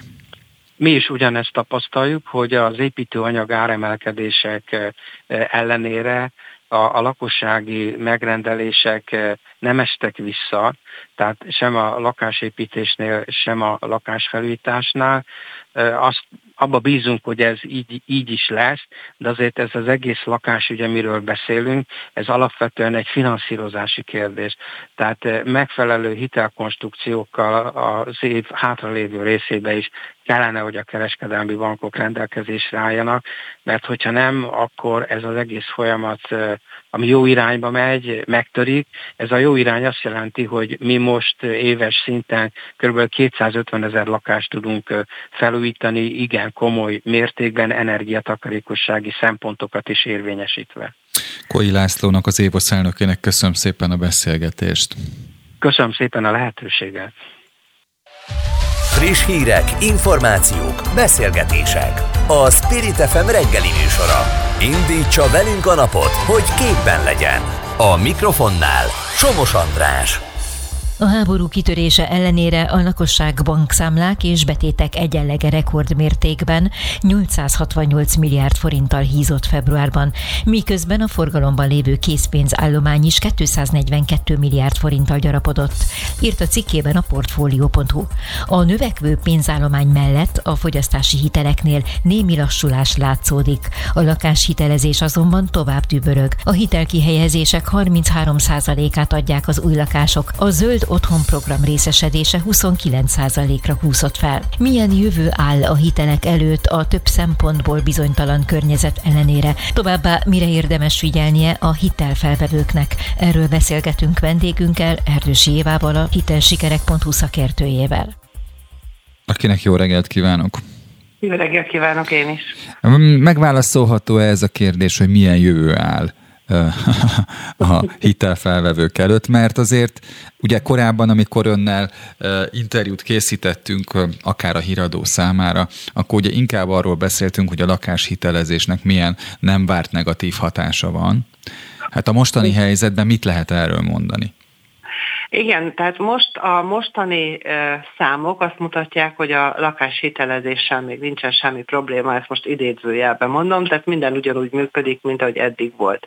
Ez nyilvánvalóan talán még egy-két hónapig ez fog látszódni, de én mindenkit a számok tekintetében azért intenék óvatosságra, mert azért a kamatok azok folyamatosan emelkednek. Hogyne? Úgyhogy amikor azt látjuk, hogy a hitelállomány hol tart, az már a kifolyósított hiteleket mutatja. Az, hogy, tehát hogyha én bemegyek egy bankhoz, hogy szeretnék hitelt fölvenni, addig, hogy meg fogom kapni ezt a hitelt, addig ott eltelik egy bizonyos idő, tehát látszik az a csúszás, ami ebben a, a, az értékekben mutatkozik, tehát én azt mondom, hogy egy-két hónap múlva már nem arról fogunk beszélni, hogy a hitelezés pontosan ugyanott tart, ahol eddig tartott, hanem én azt gondolom, hogy ennek lesz egy lefelé e, mozduló ága, és itt csatlakozva az előző beszélgetéshez, ahol a lakásfelújításokról volt szó, ezt csupán annyiban egészíteném ki, hogy volt ugye ilyen e, program, ami a lakásfelújításokat ösztönözte, de kizárólag azok vehették igénybe, akik gyermeket neveltek. Na most az az 50-es, bocsánat, mindjárt befejezem, az az 50-es korosztály, akiről szó volt, hogy mert nem áldoz már a lakására, higgyel nekem, szerintem ők is nagyon szívesen megtennék azt, hogy legyenek korszerű berendezéseik, vagy olyan eszközeik, amelyik környezetbarátabbak, de hogyha azok nem kapnak támogatást, ez a korosztály már sehonnan nem kap semmit, úgy egyszerűen nem tudja ezt megtenni. Tehát ez a probléma. Világos. És az államnak ilyenkor mit kéne kitalálnia, hogy például ezt a korosztályt segítse? Hát én azt gondolom, hogy ezek a programok, amik kizárólag arról szólnak, hogy azokat támogassuk, ahol gyerekeket nevelnek, azokat nem feltétlenül csak ebből a szempontból kellene vizsgálni, hanem mindenféleképpen lehetővé ki kéne szélesíteni ezt a kört, vagy célzottan ennek a korosztálynak valamiféle másfajta programot kitalálni, hogy segítsük azt, hogy, hogy ők ilyen dolgokba belevágjanak. És akkor visszacsatolnák, a, ami a bejátszóban elhangzott, Igen. hogy ugye a bankszámlán lévő összeg milyen mértékben megnövekedett. De mindjárt ugye a magyarázat is ebben a cikkben benne volt, hiszen több mint 900 milliárd forint most kiosztásra került a 13. nyugdíj, illetőleg az SZIA visszatérítés során. Ha mondjuk ezeket, az, és ugye azért vannak ezek még a bankszámlákon, nem azért, mert annyira jól látszó szóló kamat, hiszen tudjuk, hogy ez szinte egy láthatatlan e, mérték, az az egy forint, amit hónap végén szoktunk kapni a bankszámlán elhelyezett összeg után, hanem mert egyszerűen most nem volt olyan dolog, amire hirtelen el kellett költeni, tehát nem egy karácsonyhoz kapcsolódott például ennek az összegnek a kifizetése, ezért még ezt a, a nem használták fel az emberek, de én azt valószínűsítem, hogy egy-két hónap alatt ennek az összegnek több mint a fele el fog tűnni a fogyasztásban. És ennek nem az az oka, hogy most hirtelen szeretnénk venni még ezt, meg azt, meg amazt, hmm. hanem mert egyszerűen ezek a, annyira ezt úgy szokták mondani, hogy ki van száradva ez a piac. Tehát e, ennek a korosztálynak, akiről például beszéltünk, nagyon kevés az a, az a havi jövedelem, amiből havonta élnie kell. Tehát ez az az összeg, amit valamire föl tud használni, hogy mondjuk vegyen egy mosógépet, vagy vegyen egy porszívót, vagy egy kávéfőzőt, vagy egy akármit, tök mindegy. Tehát ezek olyan ilyen tűzoltás jelleggel vannak. De hogyha ezeket nem ilyen módon osztaná ki a kormány, hanem azt mondaná, hogy igen, ezt az összeget célzottan arra adom, hogy te ezt és ezt tudsz belőle csinálni, akkor nyilván az a szemléletformálás mellett is segítene ezekben a, a kérdésekben. Hogy Éva, záró kérdés következik. Igen, a portfólió grafikonjai azt mutatják, hogy önnek akkor igaza van, amikor óvatosságra int a, a kamat periódus Igen. szempontjából a hitelek terén, ugye? Mert azt, azt lehet látni, hogy szeptembertől, 2021 szeptemberétől egész egyszerűen azok a fix kamatok, vagy hosszú periódusú kamatok, azok egy, egy év körülre csökkentek, vagy lecsökkentek, ugye? Nyilván uh-huh. ezt választják szívesebben a hitel kihelyezők. Másrészt pedig azt látjuk, hogy a, a tíz éves kamat drasztikusan mondjuk a 100 százalék környékéről lecsökken 50 százalékra, ugye a meglévő hitelállomány szempontjából. Tehát önt alátámasztják ezek a grafikonok. Hogy látja, hogy aki most vág bele a hitelbe, az mennyit kockáztat? Hát nem tudjuk, hol van a vége. Egy nagyon szemléletes példa, ugye a, a hiteleknek az árazása a három havi buborhoz történik, mint referencia kamat. Ez év elején 4,6% volt, most három hónap alatt ez már 6,49. Drasztikus tehát, változás. Tehát 2 három hónap alatt. és, nem, és, és folyamatosan emelkedik, nem tudjuk, hogy hol van a vége. Tehát amikor most tervezi valaki a hitelfelvételt, akkor mondhatja azt, hogy hát jó, de akkor is én ezt a fix kamatozást vállalom, és akkor most megkötöm ezt ilyen 6-7% körül. És azt feltételezem, hogy akkor mondjuk, ha fölveszek egy 20 éves hitelt, akkor 20 évig ezt fizetem.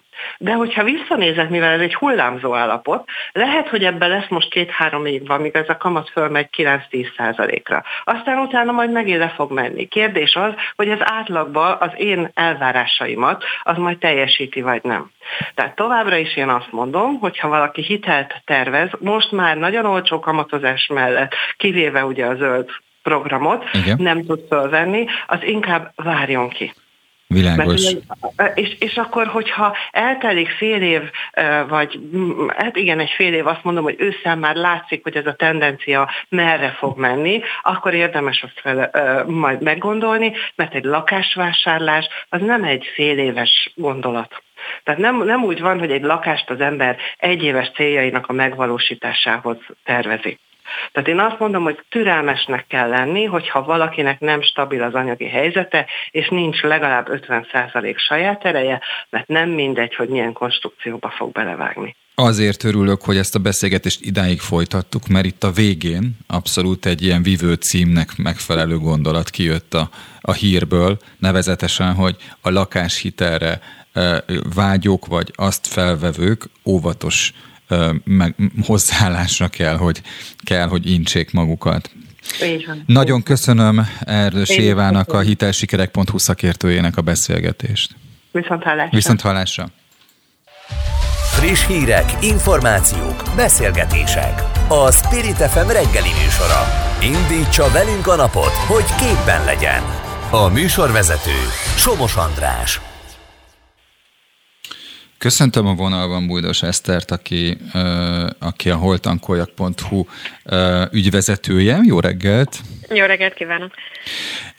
Azért jó, hogy erről a témáról beszélgetünk, mert ugye szerdán a benzin és a gázolaj beszerzési ára jelentősen csökken, ugye, az a mai nap, és, és őszintén szóval nem tudom, hogy ez hogy ez például hogy jelenik meg az önök kimutatásaiban vagy a forgalomban a, a, a benzinkutaknál?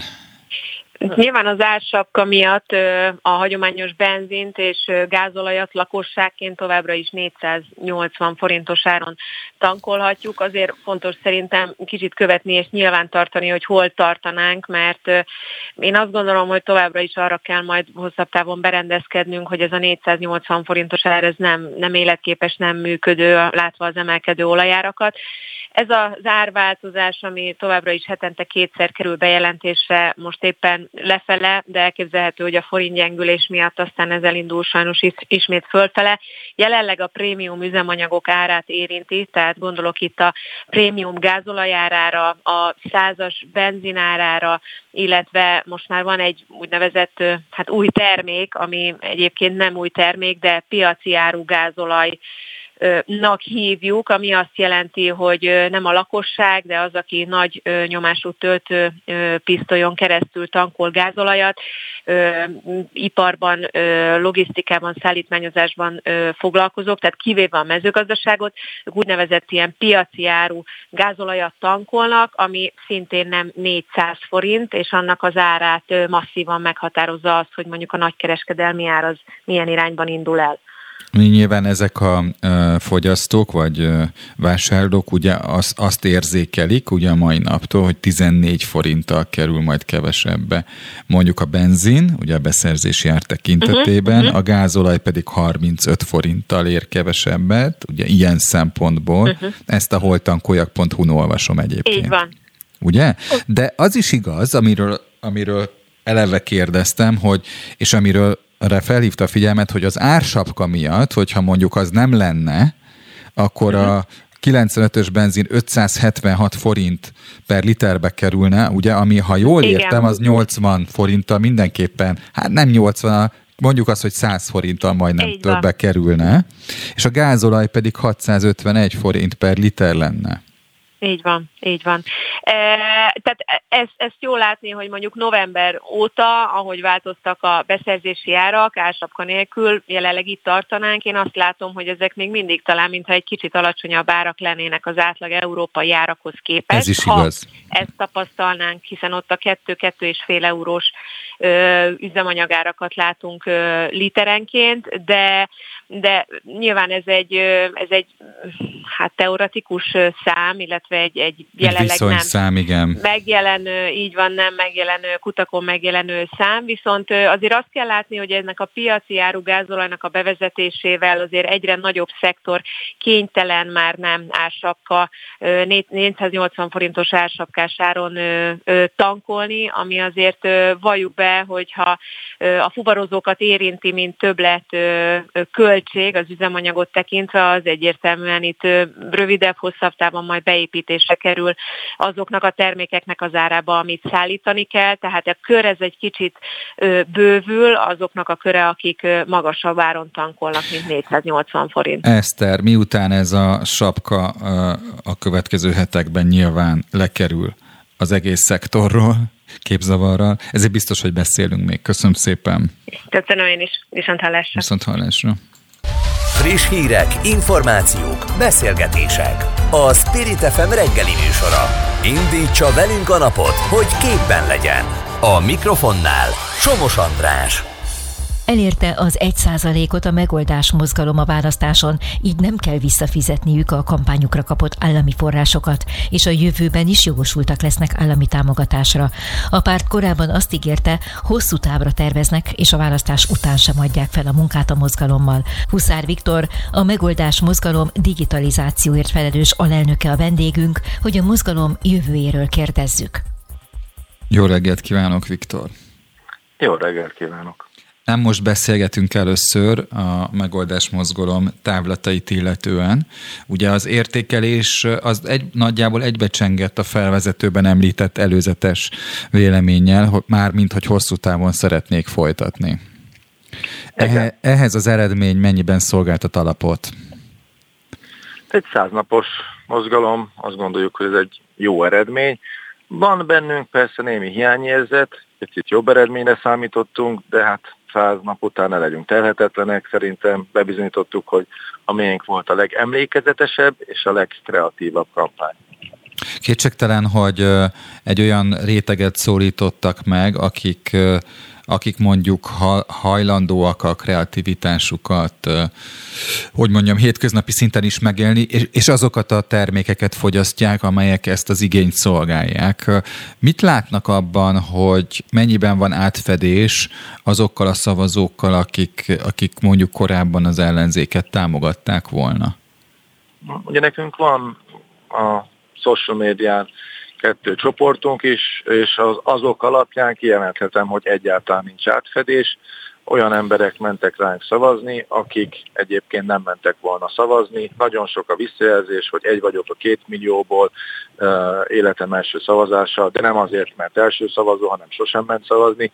Tehát azt gondolom, hogy amit mi mondtunk, az bejött, és amit mi mondtunk korábban, hogy az nem kérdés, hogy ezt a kvázi két millió embert vagy kettő és fél millió embert majd meg fogjuk szólítani, hanem az a fő kérdés, hogy mennyi idő alatt. És ez elindult. Uh-huh. Na most ugye a kampányban sokkal egyszerűbb meghatározni, hogy kit akarok elvinni az urnához. De tovább építeni a pártot, vagy szélesíteni, az már egy másik kérdés. Erre az időszakra van-e terv, tehát hogy hogy lehetne a pártot kiszélesíteni, és mennyiben tudják felhasználni akár a az applikációban összegyűlt nagyjából 150 ezres támogatást, vagy letöltési számot, hogy tudják ezt becsatornázni a pártépítésbe? Azt gondolom, hogy mi folytatjuk a, azt az utat, azt a digitalizációra épülő utat. Ugye van az EFT-nk, ennek a, a fejlesztését tovább fogjuk folytatni. A nézők, a... hallgatók kedvére elmondom, hogy mi az EFT. Ugye az EFT az egy olyan elektronikus hát digitális eszköz, ugye, amely amely mint egy fizető eszközként szolgál azért, hogy valaki csatlakozik, vagy letölti az appot a telefonjára. Igen, de, de, de valójában ez egy ugye digitális fizető eszköz, a bitcoinhoz hasonlítható, ami egy blokklánc alapú transzparens fizetőeszköz, ami azt gondoljuk, hogy pont amikor az infláció, pont amikor az euróforint árfolyam ugrál, egy nagyon frappáns és jó válasz arra, hogy milyen olyan alternatív megoldások lehetnek. Azt megmagyarázza, mi ez a blokklánc alapú? Igen, a blokk blokklánc, vagy ez az úgynevezett Digital Ledger, ez egy ilyen elosztott főkönyv, ami arról szól, hogy hogyan lehet a digitális tranzakciókat egymás között transzparens módon úgy lefolytatni, hogy egy ilyen decentralizált jóváhagyó mechanizmusa van. Egyébként ugye nem kell azért túlzottan ettől félni, mert most is mindenki digitálisan kapja a pénzét. Hát a bankszámlán nagyon hasonló a, a maga a Ezt pénzünk, akartam mondani, így van. Hát a, a számlapénz az erre épül, igen. Így van, tehát hogy, hogy egy picit túl van ez gondolva, ez ennek egy továbbfejlesztett változata, amit az emberek egymás között tudnak, igazából akár a bankok kihagyásával és tranzakciós díjak nélkül működtetni. Ezzel igazából mindenki jól jár, kivéve a kereskedelmi bankok.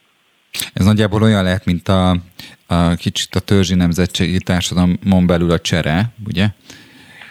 Egy meghatározott Olyas. viszonyrendszer, hogy három tojás mennyit ér egyéb termékben. Igen, de hát a pénz maga az is egy bizalmi dolog, tehát én elhiszem, hogy mondjuk 100 forint most hány kenyeret ér. Tehát így kell ezt gondolni, hogy egy, egy ilyen fizetőeszköznél mindig az a kérdés, hogy hányan hol fogadják el, és egyébként milyen értéket csatolnak hozzá. Tehát a bitcoin azért volt a kezdetekben 10.000 bitcoin egy pizza, most 10.000 bitcoin meg mondjuk nagyjából mint 500 millió dollár, vagy nem tudom. Most. Világos. Jelenleg 100 forint négy szelet kenyér, de nem biztos, hogy holnap ez igaz lesz. Hát erre van egy válaszunk, hogy hogy amikor a forint inflálódik, akkor mondjuk az EFT az kevésbé, mert lehet olyan mechanizmusokat beépíteni. Ettől függetlenül ez csak egy javaslat, de ezen kívül van még nagyon sok olyan programpontunk, és hát talán nagyon aktuális az egyik, amit, amit mondtunk, hogy a nyolc évben maximalizálnánk a miniszterelnöki pozíciót. Hát a fékek és ellensúlyok, ha kiesnek egy rendszerből, akkor sajnos van, hogy buborékba kerülnek a hatalmon lévők.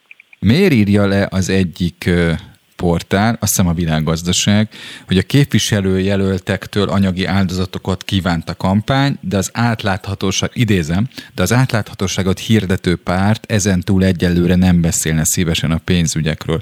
Ez titok, vagy miért? Nem, ezt azt tőlük kell megkérdezni, hogy miért írják le. Értem. Nem, hát tőlünk, tőlünk nem kérdezték, nem tudok, el is mondtam korábban is, okay. hogy, hogy mi szívesen válaszolunk. Ugye a kampányban maximalizálva van, hogy mennyit költhet egy párt, és az az összeg attól függ, hogy hány jelöltje tudta összeszedni az 500 érvényes aláírást, és megvan az országos lista. Ez a mi esetünkben nagyjából 1,1 milliárd forint volt, amit összesen lehetett fordítani. Ugye megvan a jelöltenkénti maximalizálás is, minden törvényes adta, a törvény adta lehetőséget betartottunk, és ennek megfelelően nagyjából várhatóan olyan 1 milliárd körül lesz a költésünk. Aha, de ez azt jelenti, hogy ezt nem kell visszafizetni, mert az 1,9 század százalék az erre predestinálja a memót. Egyrészt, másrészt ugye, ha jól értem, akkor nagyjából egy ciklus alatt olyan jelenlegi helyzetben olyan 700, 700 millió forint, ami, ami állami támogatásként kinéz. Um, nem, én azt gondolom, hogy ezt talán jó, rosszul tudja. Úgy van, hogy Igen. eleve amennyit mi kaptunk támogatást, az olyan 580 millió forint volt, ami az Igen. országos lista után járt. Uh-huh. Utána van még a jelöltenkénti dologi költségekre szánható támogatás, azok közül, aki nem ért el 2%-ot, azokat vissza kell fizetnünk. Ez a mi esetünkben azért jó pár jelöltet érinti, ezeket nyilván vissza fogjuk fizetni, tehát ez több tízmilliós nagyságrend, és mi a saját adózott magánvagyonunkból raktunk bele Értem. E, ebbe pénzt, uh-huh. amit egyébként mi társadalmi felelősségvállalásban csinálunk és csináltunk, azért ne felejtjük el, hogy az ország egyik legnagyobb adakozói és legnagyobb adózói között vagyunk, tehát azt gondolom, hogy ez megvan a jogunk, és meg is tettük. Tehát azt szerintem firtatni, hogy most az állami támogatás hogy van meg, mint van, ez talán azért felesleges, mert a cégcsoportunk szempontjából ugye ez nem egy pénzbeli kérdés, mi próbálunk Magyarországnak segíteni, átadni a tudásunkat, és nyitottak vagyunk mindenkire, akit ez érdekel. Huszár Viktornak, a, a Megoldás Mozgalom alelnökének köszönöm, hogy a rendelkezésemre állt. Én köszönöm. Minden jót. Spirit FM 92.9 A nagyváros hangja Nagyváros és a foci hangja. Jó reggelt Ágasi Attilának. Jó reggelt kívánom! Aki egyébként a Telex újságírója. Ezt azt gondolom, hogy tudják azok a hallgatók, akik rendszeresen követik a szerdai aktuált, hiszen mindig azt szoktuk megtenni, Attila, és ebben legyél segítségemre, hogy az aktuális foci híreket átbeszéljük. Most például azt, hogy a sportrádiónak, ami egyébként azok, akik nem tudják, hogy mi az, ez állami pénzből elindult sportrádió, aki, amely amely ugye a műsor folyamában kizárólag sporttal foglalkozik. Na, itt Zsuzsák Balázs adott egy interjút, amely azért érdekes, mert két alaphír van benne. Egyrészt, hogy Zsuzsák Balázs hogy látja a válogatottsággal kapcsolatos gondolatokat, vagy érzéseket, szövetségkapitány hozzáállását, másrészt pedig, hogy ő lesz egy új szerepe, amely a PSV-hez kötődik. Milyen érzésekkel olvastad ezt az interjút, hogy hallottad a rádiós beszélgetést? Hallani nem hallottam, csak olvastam én is. Valójában elmondta a valóságot. Igazából ő már a válogatottságtól azt hiszem, hogy elköszönhet, és talán nem is lenne jó, hogyha valaki csak azért kerülne be a keretbe is akár, mert éppen akkor lehet rekordelés még egyel több válogatottságot összegyűjteni. De szerinted, bocsánat, hogy itt beleszólok az első gondolatba, de szerinted őt ez mozgatta, hogy ő rekorder legyen, vagy, vagy szakértő szemmel ő még azért hozzá tudott volna, vagy tudna tenni a magyar válogatott játékához, akár a rutinjával, akár mással? Hát ilyen kegyelem válogatottság lenne ez szerintem, és ezt már ő nem nagyon szeretné. A rutinja, a a ballába az még megvan, sebessége az már nincs. Uh-huh. Valójában egy három-négy évvel ezelőtt sem volt már meg, csak akkor még az összjátékra, a csapatra gyakorolt hatása az olyan volt, ami miatt be kellett tenni. Ez az Európa bajnokság időszaka, igen. Na, inkább el, utána. Aha. Hát még volt, volt, amikor megvertük a horvátokat és Vászt, akkor még volt az összjátékban egy olyan kombináció egy olyan háromszögelés közte és a szalai között, ami azt mutatta, hogy még ez segítségére lehet a csapatnak, uh-huh. még egy, egy szinten följebb tudja emelni. Ma már azt hiszem, hogy a Balázs azon a poszton, amin játszik, már ő nem is szélsőn játszik, hanem közepén a pályának, ő már nem üti meg a, a válogatott nívót. Nincs a játéknak már olyan eleme, amiben ő nagyon kimagaslana. De Attila, Ez egyébként én... természetes, uh-huh. hiszen múlnak az Cristiano Ronaldo egy van, aki 37 évesen még mindig föl tudja venni a lépést a fiatalokkal, de már neki is nagyon-nagyon döcög az, amikor három napon belül kell uh, csúcs teljesítmény nyújtani, akármilyen szinten. Nem... Hát bajnokok ligája és uh, tehát úgy értem az akármilyen szintet, hogy bajnokok ligája, bajnokság vagy válogatott nem érezte de azt az interjújából Zsuzsák Balázsnak, hogy ő eltérő véleményen volt az ő saját hozzáadott értéke tekintetében a szövetségi kapitánytól, nevezetesen most lehet, hogy elengedte már a válogatottságot, de talán egy-két hogy is mondjam, egy-két tornával ezelőtt, amikor még arról volt hogy ki juthat az EB-re, és ki is jutott a magyar válogatott, akkor ő azt érezte, hogy neki ott a helye? Valószínűleg, hogyha az Európa-bajnokságot 2020-ban megrendezik, szerintem ő játszott is volna. De ilyenkor egy év az nagyon-nagyon sokat számít. És nehéz ezt így megmagyarázni, vagy lefesteni, hogy mégis mennyit, de amikor már szemlátomást egy újat akarunk építeni, akkor már egy olyan játékost, aki fékezi a többieket, az már arra már nem mondasz igen. Nem, nem gondoljuk, hogy ő már pótolhatatlan lenne. De ha lehet pedig... azt mondani, bocsánat, ne felejtsd szabad, lehet azt mondani, hogy ezt ő szúrta el azzal, hogy MB2-be szerződött, mert talán ugye a fizetés nagysága miatt ő, ő a Debrecent választotta, de mégis ugye ezzel azt érte el, hogy az MB2-ben lévő csapat okán ő kiesett a válogatottból volt-e más lehetőségeit, azt kell megvizsgálni. Akkor abban a pillanatban lehetette volna valami más tenni. Hogyha nem, akkor, akkor az is egy kényszer megoldás volt, és már annak is örült, hogy egyáltalán az MB2-ig eljutott. Világos. Tehát még egy gondolata visszatérve, ha a profilokat nézünk, hogyha egy válogatottat profilok alapján állítjuk össze, az ő profiljában, az ő posztján ő már nem tartozik a legjobb két, játék, két magyar játékos közé. Uh-huh, uh-huh, uh-huh. Ez a világ rendje, meg ez a világ természetes dolga, hogy előbb-utóbb jönnek a fiatalok, és ha nem is tépik le a mezt a öregekről, de azért úgy szépen lassan, folyamatosan kiszorítják, magasabb szinten játszanak, és hát azok a tulajdonságok, amik korábban őt a válogatott szintre emelték, azok kopnak. Értem.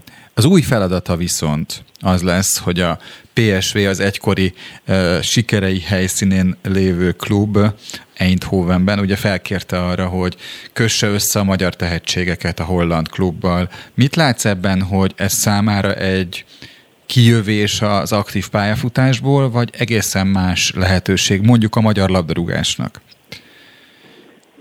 Inkább induljunk onnan, hogy a PSV-nek a scout hálózatát, hogyha meg akarjuk vizsgálni, akkor az a világon egészen egyedülálló volt a 80-as években. A Romário, Ronaldo felfedezése 87-89 tájban. A fenomén Ronaldo, tehát nem C. Ronaldo. Igen, igen, és az a Romário, aki ugyan valamennyire ismert volt, de, de messze nem annyira volt ismert, mint a, mikor eljött a PSV-ből. Ez a scout hálózat, és különösen Dél-Amerika felfedezése, az egy óriási újítás volt a, a PSV-nél akkoriban. Azóta ezt a scout hálózatot mindenki fölépítette, valahogy a scout hálózaton fönnakadt annak idején a Balázs is, ami árán oda sikerült, oda jutott a PSV-hez, és ahol nagyon szépen fejlesztették őt, nem csak a bal lábát, hanem a jobb lábát is, és ez azt jelentette, hogy ő egy piacképes futbalistává vált. Ebből adódóan tudja azt, hogy mire vágyik a jelenlegi PSV, mit szeretne megtenni a következő ö, időszakban, és ha van magyar játékos, azt akár az ő példája inspirálhatja, hogy Hollandia felé jó menni. Az Eindhoven a legkisebb olyan város, amely bajnokok ligáját nyert, az egy, az egy nagyon nagy szó a világfutballban. Ha pedig ki akar a magyar futballból jönni, akkor azt gondolom, hogy az egyik legjobb pozíció ez neki. Na de nem kellett, a bajnokok ligája elődjét nyerte meg, nem? A, B, a, igen, a igen, Beckett, igen, de, a Beckett. De, de a legkisebb város. Világos. Attila, az, igen. Ez egy olyan, tehát egy 300 ezeres várostól nem elvárható az, hogy ő a bajnokok ligájában versenyezzen a legmagasabb Abszolút. szinten. És mégis összejött Eindhovennek. Hát eindhoven hajlamosak vagyunk mi Magyarországon egy kicsit így lebecsülni. De azért az a klubmodell és az, amit ők felépítettek, az egy félelmetesen nagy dolog európai szinten. És ennek a részesei lenni, ez egy nagyon szép kihívás és feladat, pláne, hogy edzősködni ő nem nagyon akar, így az egyik legjobb, hogy ott maradjon a vérkeringésben. Attila, nagyon köszönöm a beszélgetést, és ha foci van, akkor mindenképpen gondolunk rád, ha mennyiben ráérsz. Én köszönöm, minden jót, szia! Minden jót, sziasztok! Böngésző. Mivel foglalkoznak a vezető internetes portálok? Hogyan találnak egyes híreket? Mire kattintanak a legtöbben? Böngésző. A Spirit FM reggeli műsorának online lapszemléje. Címlapsztorik, értekezések, izgalmas információk. Böngésző. Most, hogy Zsuzsi, bocsánat, most, hogy Zsuzsit kiveséztük, most, most akkor nyilván egy komolyabb műfajra nyergelünk át, ugye Eszter? Így van, hát nagyon sok színes hírrel készültem, de sajnos a műsoridőnk elszaladt, és hogy azért ne sikkadjanak el, ilyen címszavakba bedobálom, hogy mire keressenek rá, ne adj Isten Ant, az emberek, jó? Antisikkanás program. É, képzeld el, Cristiano, Cristiano Ronaldo milliós fizetést ad párjának a gyereknevelésért, 100 ezer eurót. Ugye ez sok helyen téma, hogy vajon a gyermeknevelés és a házi munkát meg lehetne fizetni, és mi pénzbe Igen, kerülne ez a férfiaknak. Aki, aki Rodriguez kisasszony asszonynak a Netflixes filmjét látta, uh-huh. az tudja, hogy egyébként ebben komoly meló van, Há, hogy, hogy a gyerekeket, hogy így van, és Ronaldo ezt meg is fizeti. Aztán, hogy tovább Correct. szaladjunk, kötelező lesz nőket ültetni a cégvezetésben, nincs mese az Európai Unióban, így Magyarországon is minden tőzsdei cégnél a vezető pozícióknak legalább a 40%-át nőkkel, hogy betöltsék majd. 2027-ig kell igazodniuk az EU-s döntéshez az érintett cégeknek. Ez is roppant érdekes, ha már így a Meg fizetésekről fontos. beszélünk. Igen. Így van. Németországban felszólították a fogyasztókat, hogy spóroljanak a gázzal úgy néz ki valamit tudhatnak. Aztán egy... Hogy ne legyen gáz. Igen. Igen. Egészen a közelmúltig dübörgött, képzeld el az ekvadori banánexport. Egyik hétről a másikra hatalmas krízisbe került a világ legnagyobb banánipara. Minden ötödik Ekvadorban megtermelt banánból egy Ukrajnába és Oroszországba megy, úgyhogy ez a helyzet náluk is besötétítette az eget. A magyar közönyben pedig megjelent azzal kapcsolatban új információ, hogy felsőoktatási felvételi eljárásban milyen többletpontok járnak azok számára, akik önkéntes tartalékos katonának állnak. Nagyon sok pontot össze lehet gyűjteni, de hát ezt a neten érdemes megkeresni, és azt is érdemes olvasni, hogy Szijjártó Péter bekérette Ukrajna budapesti nagykövetét, úgyhogy hajrá az online térben is Google. Bocsánat, ez az utóbbi hír, ez, ez minek köszönhető, hogy hogy bekérette? Hogy itt az ideje, hogy az ukrán vezetők befejezik Magyarország sértegetését, és tudomásul vegyék a magyar nép akaratát, idéztem Szijjártó Pétert. Több tiszteletet a magyaroknak, ha jól értem, Így van. akkor ez a, annak a kampánynak a része. Jó, Köszönöm Eszter a híreket, a friss híreket. Most jön a bistró. Én szerintem Dézsi Zolival fog jönni a így bistró. van, így van, és vendégeivel. Mert már látom őt is.